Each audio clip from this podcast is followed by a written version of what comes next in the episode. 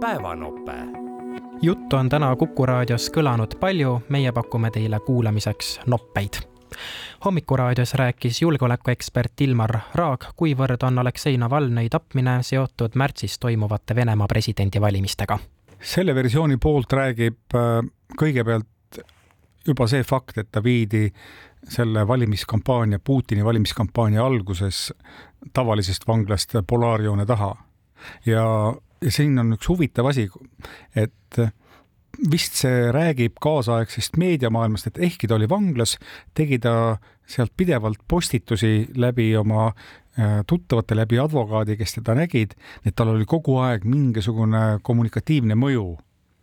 ja ja kahtlemata Putinile on praegu olnud väga tähtis, et igasugune võimalus väikeseks mässuks Venemaal äh, maha suruda, ta, see, ta on intensiivistanud seda repressiivaparaati sellisel viisil, mida, mida meie ei ole viimase kolmekümne aasta jooksul kindlasti kordagi veel näinud.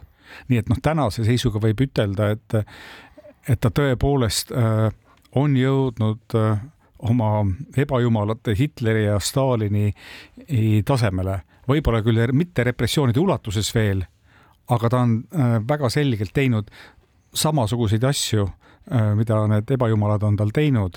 Ja ta on tekitanud ka olukorra, kus Venemaa sees täiesti selgelt on olemas ka hirm repressioonide ees. Viimase kahe aasta jooksul, kui ma olen olnud no, teatavas suhtluses inimestega, kes elavad Venemaal, kes on kellega ma väldin äh, Ukraina sõja äh, teemal rääkimist ja kui need jutuks tulevad, siis me lähme alati tülli, ehk siis need tuttavad on sellised veendunud Putini toetajad olnud, täitsa pimesi. aga nüüd, kui Aleks-, Aleksei Navalnõi suri, olen ma saanud sealt mitte küll otsesõnu kaheldavaid signaale, aga ma olen lugenud välja teatavat hirmu nende inimeste Äh, peades. kas teie tajute ka, et see, et Aleksa-, Aleksei Navalnõi suri, mis iganes asjaoludel, võib see tuua mingisuguse murrangu lihtrahva peades? ei, ma arvan, et nüüd esialgu seda murrangut äh, uskuda ei, ei maksa äh, sellepärast nagu, nagu ma ütlesin, algselt selle Vene opositsiooni kandepind ühiskonnas on liiga väike. see on suured linnad, haritumad inimesed ja nii edasi, aga ta tervikuna on liiga väike. küll aga küll aga räägitakse Venemaa puhul praegu väga palju niinimetatud mustast luigest ehk et ootamatust sündmusest, mida me ei oska ette aimata, noh, see võib olla midagi väga lihtsat ja nõmedat. Putin libastub vannitoas ja kukub pea katki ja sureb. ja, ja seejärel segadus, mis, mis seal järgneb, see võib olla täiesti ootamatute tagajärgedega, mille puhul saab oluliseks see, et kui palju on erinevatel ühiskonnagruppidel tegelikult eeskujusid, kelle, kelle järgi minna. ehk et me ju ei teaks, kuhu Venemaa täna läheks, kui Putin homme sureks. kõneles Ilmar Raag täna avaldatud kuritegevuse statistikast selgub, et eelmisel aastal kasvas kuritegevus seitsme protsendi võrra. politsei- ja Piirivalveameti keskkriminaalpolitsei juht Oskar Kross rääkis saates Sihik, kas peaksime olema mures raske on öelda, et me ei peaks olema mures, kui, äh, kui meil koduseinte vahel toimuvad kuriteod, eks ju, kasvavad. et, äh, et kui me mõtleme just näiteks alaealiste seksuaalse väärkohtlemise peale, äh, samuti tegelikult kodaniõigus, kodanikuõiguste vastased kuriteod, mis tegelikult võivad tähendada näiteks identiteedivargust, siis kas selles mõttes raske on öelda, et me peaks olema mures, need on teemad, millega me peaksime tegelema ja ja me oleme ka tegelenud, et, et selles mõttes see Äh, statistika, selles mõttes jah, see statistika näitab seda, et, et, et need on kindlasti valdkonnad, kuhu tähelepanu pöörata rohkem kas varguste arvu kasvu taga, mis on päris märkimisväärne, on näha juba siis inimeste sotsiaalmajanduslikke raskusi? Äh, kas just nii öelda, selles mõttes, et äh, tõenäoliselt neid komponente, mis siis selle tõusu tekitavad, on mitmeid.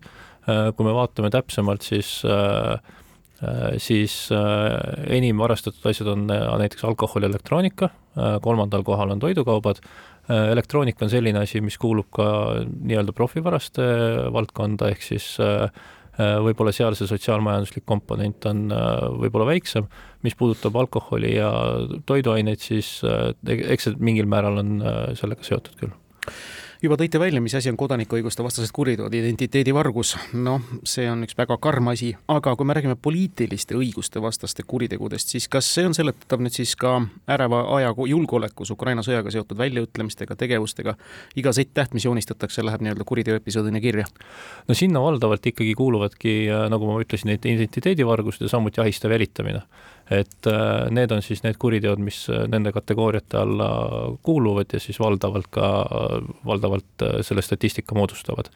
aga loomulikult mõlema kuriteo puhul on tegu raskete kuritegudega, eks ju, et, et haistavat, haistava jälista, jälitamine on iseenesestmõistetav, et, et kuidas see inim, inimvabadusi, eks ju, rikub, aga kui me mõtleme identiteedivargusest, siis ühelt poolt see võib kõlada nagu asjana, et, et keegi võttis laenu kellegi nimel aga kui me sisuliselt mõtleme, siis tegelikult äh, inimesel võib olla tükk tegemist selleks, et äh, pärast äh, kogu see segadus nii-öelda ka ära klaarida, et, et kus tema identiteeti on kasutatud, kuidas on kasutatud, kuidas need kohustused, mis sellel inimesel on võetud, kuidas nendest lahti saada, et selles mõttes on tegu samamoodi raskete kuritegudega. kas midagi nüüd läinud aasta statistikas ka rõõmu teeb? tapmiste ja tapmisohvrite arv, panin kohe tähele, oli eelmisel aastal ikkagi väga madal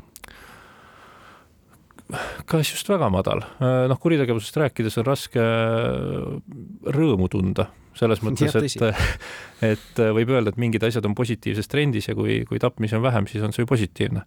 aga kaheksateist inimest on ikkagi palju, et, et, et see number kindlasti peaks olema madalam. kõneles Oskar Kross Pärnu Sadama korvpalliklubi peatreenerile Gert Kullamäele määrati tuhat eurot trahvi tema väljaütlemiste pärast taskuhäälingus Pihtas põhjas. juhtunut kommenteerisid saates spordireporter Joosep Susi ja Ott Järvela peame natukene lahti ütlema raadiokuulajale ruttu ka, millega tegu oli. ehk et Kalev Cramo Pärnu mängus Gert Kullamäele jäi väga, Pärnu peatreenerile jäi väga hinge peale mängu lõpus tema meeskonnale vilistatud viga, mille kohta ta siis tõesti äh, korvpalli podcastis Pihtas põhjas äh, sõna võttis äh,. praegu selle peale korvpalli või liiga ko tehniline komisjon eesotsas Atso Matsaluga, kes seisab siis nii-öelda kohtunike eest, tahtis seista, äh, määras Pärnule ja Kullamäele tuhande eurose trahvi. selle peale on täna hommikul tulnud uudis, et korvpalli podcast Pihtas põhjas lõpetab selle trahvi tõttu oma äh, tegevuse ja eetris oleku. muuhulgas nende kirjas on, äh, toon välja kaks tsitaati. esiteks tuleb osata huumorist aru saada, kuigi jah, elu on näidanud, et see ei ole kõigile jõukohane ning teine tsitaat, on olemas ütlus, armasta korvpalli, aga mitte ennast korvpallis, meie igatahes armastame korvpalli. ja see on, no. see, see viimane tsitaat on väga-väga õige, see, mis on nii jalgpallis kui ka korvpallis selle juhtumi taustal eriti eh, väga oluline, et kohtunike eh, ka seotud otsuseid ei tuleks võtta vastu lähtuvalt kohtunikest, vaid lähtuvalt korvpallist, eh, lähtuvalt jalgpallist. Ja see, kuidas eh, eh, kohtunike suunalised sõnavõtud mis tõesti, tegemist on meelelahutusliku, selgelt iroonilise, selgelt sellist vabas, mõnusas õhkkonnas eh, tõesti korvpalli populariseeriva saatega. suurepärane, seltskond, hästi mõnus, asjatundlik, samas no, terav, no ja, mõnus. panevad seda omavahelist ajaloolist, vaata mälu on seal veel väga kõvasti sees, kui Jurtšenko, Kullamäe, Talts kolmekesti teevad. just, mõnus kuulata ja öelda kuidagi, et, et, et see kahjustab alamainet radikaalselt vastupidi, seesama, mis jalgpalli, äh, jalgpalli poolt oli, treenerid, äh, treener on emotsionaalne pärast võistlust, kritiseerib kohtunikke, on tõesti selline noh, tõesti elab, see on tõesti nagu mingi ja, elu tuleb see, sisse. ei kahjusta alamainet, vaid see parandab alamainet, see tekitab huvi selle ala suhtes, see tekitab huvi selle võistluse suhtes, see on üks loomulik osa võistlusest. ehk et praegu korvpallikohtunikud on lumehelbekesed, jalgpallikohtunikud on ka lumehelbekesed, et nad ei saa hakkama selle kriitikaga, mida nende suunas tehakse ja mis sageli on täiesti põhjendatud. Öelda, et kohtunikud ütlevad, nad tahavad austust, et nad tahavad respekti. see ainukene variant seda respekti teenida on tegutseda avatult, avalikult ja tunnistada oma ekslikkust, aga praegu me mitte midagi sarnast ei korvpallis ega jalgpallis ei näe. seal peaks tulema kohe sellele otsusele oleks pidanud tulema kohtunike siis kogu ametlik hinnang, kas kohtunik eh, vilistas selle vea õigesti või ta vilistas selle vea valesti, selgituste, põhjendustega ja kui oli viga, siis ka selgitada, kuidas seda kohtunikku karistatakse, sest see avalik vastutus on asi, mis tekitab usaldust. Eh, Matsalu jutt on loll. Eh, põhjendused on lollid, minu arvates väga selgelt seal on, seal on kiuslikkust näha. võib kritiseerida kohtunikke ja see ei ole selline pahatahtlik kritiseerimine. jah, loomulikult selline mõnitav äh, tonaalsus oli, oli all, see oli olemas ilmselgelt, aga ta elas välja ennast emotsionaalselt, iroonia võtmes, nalja võtmes, väga hea. nii, küsimus pole üldse selles, kas kohtuniku otsus on õige või vale absoluutselt mitte.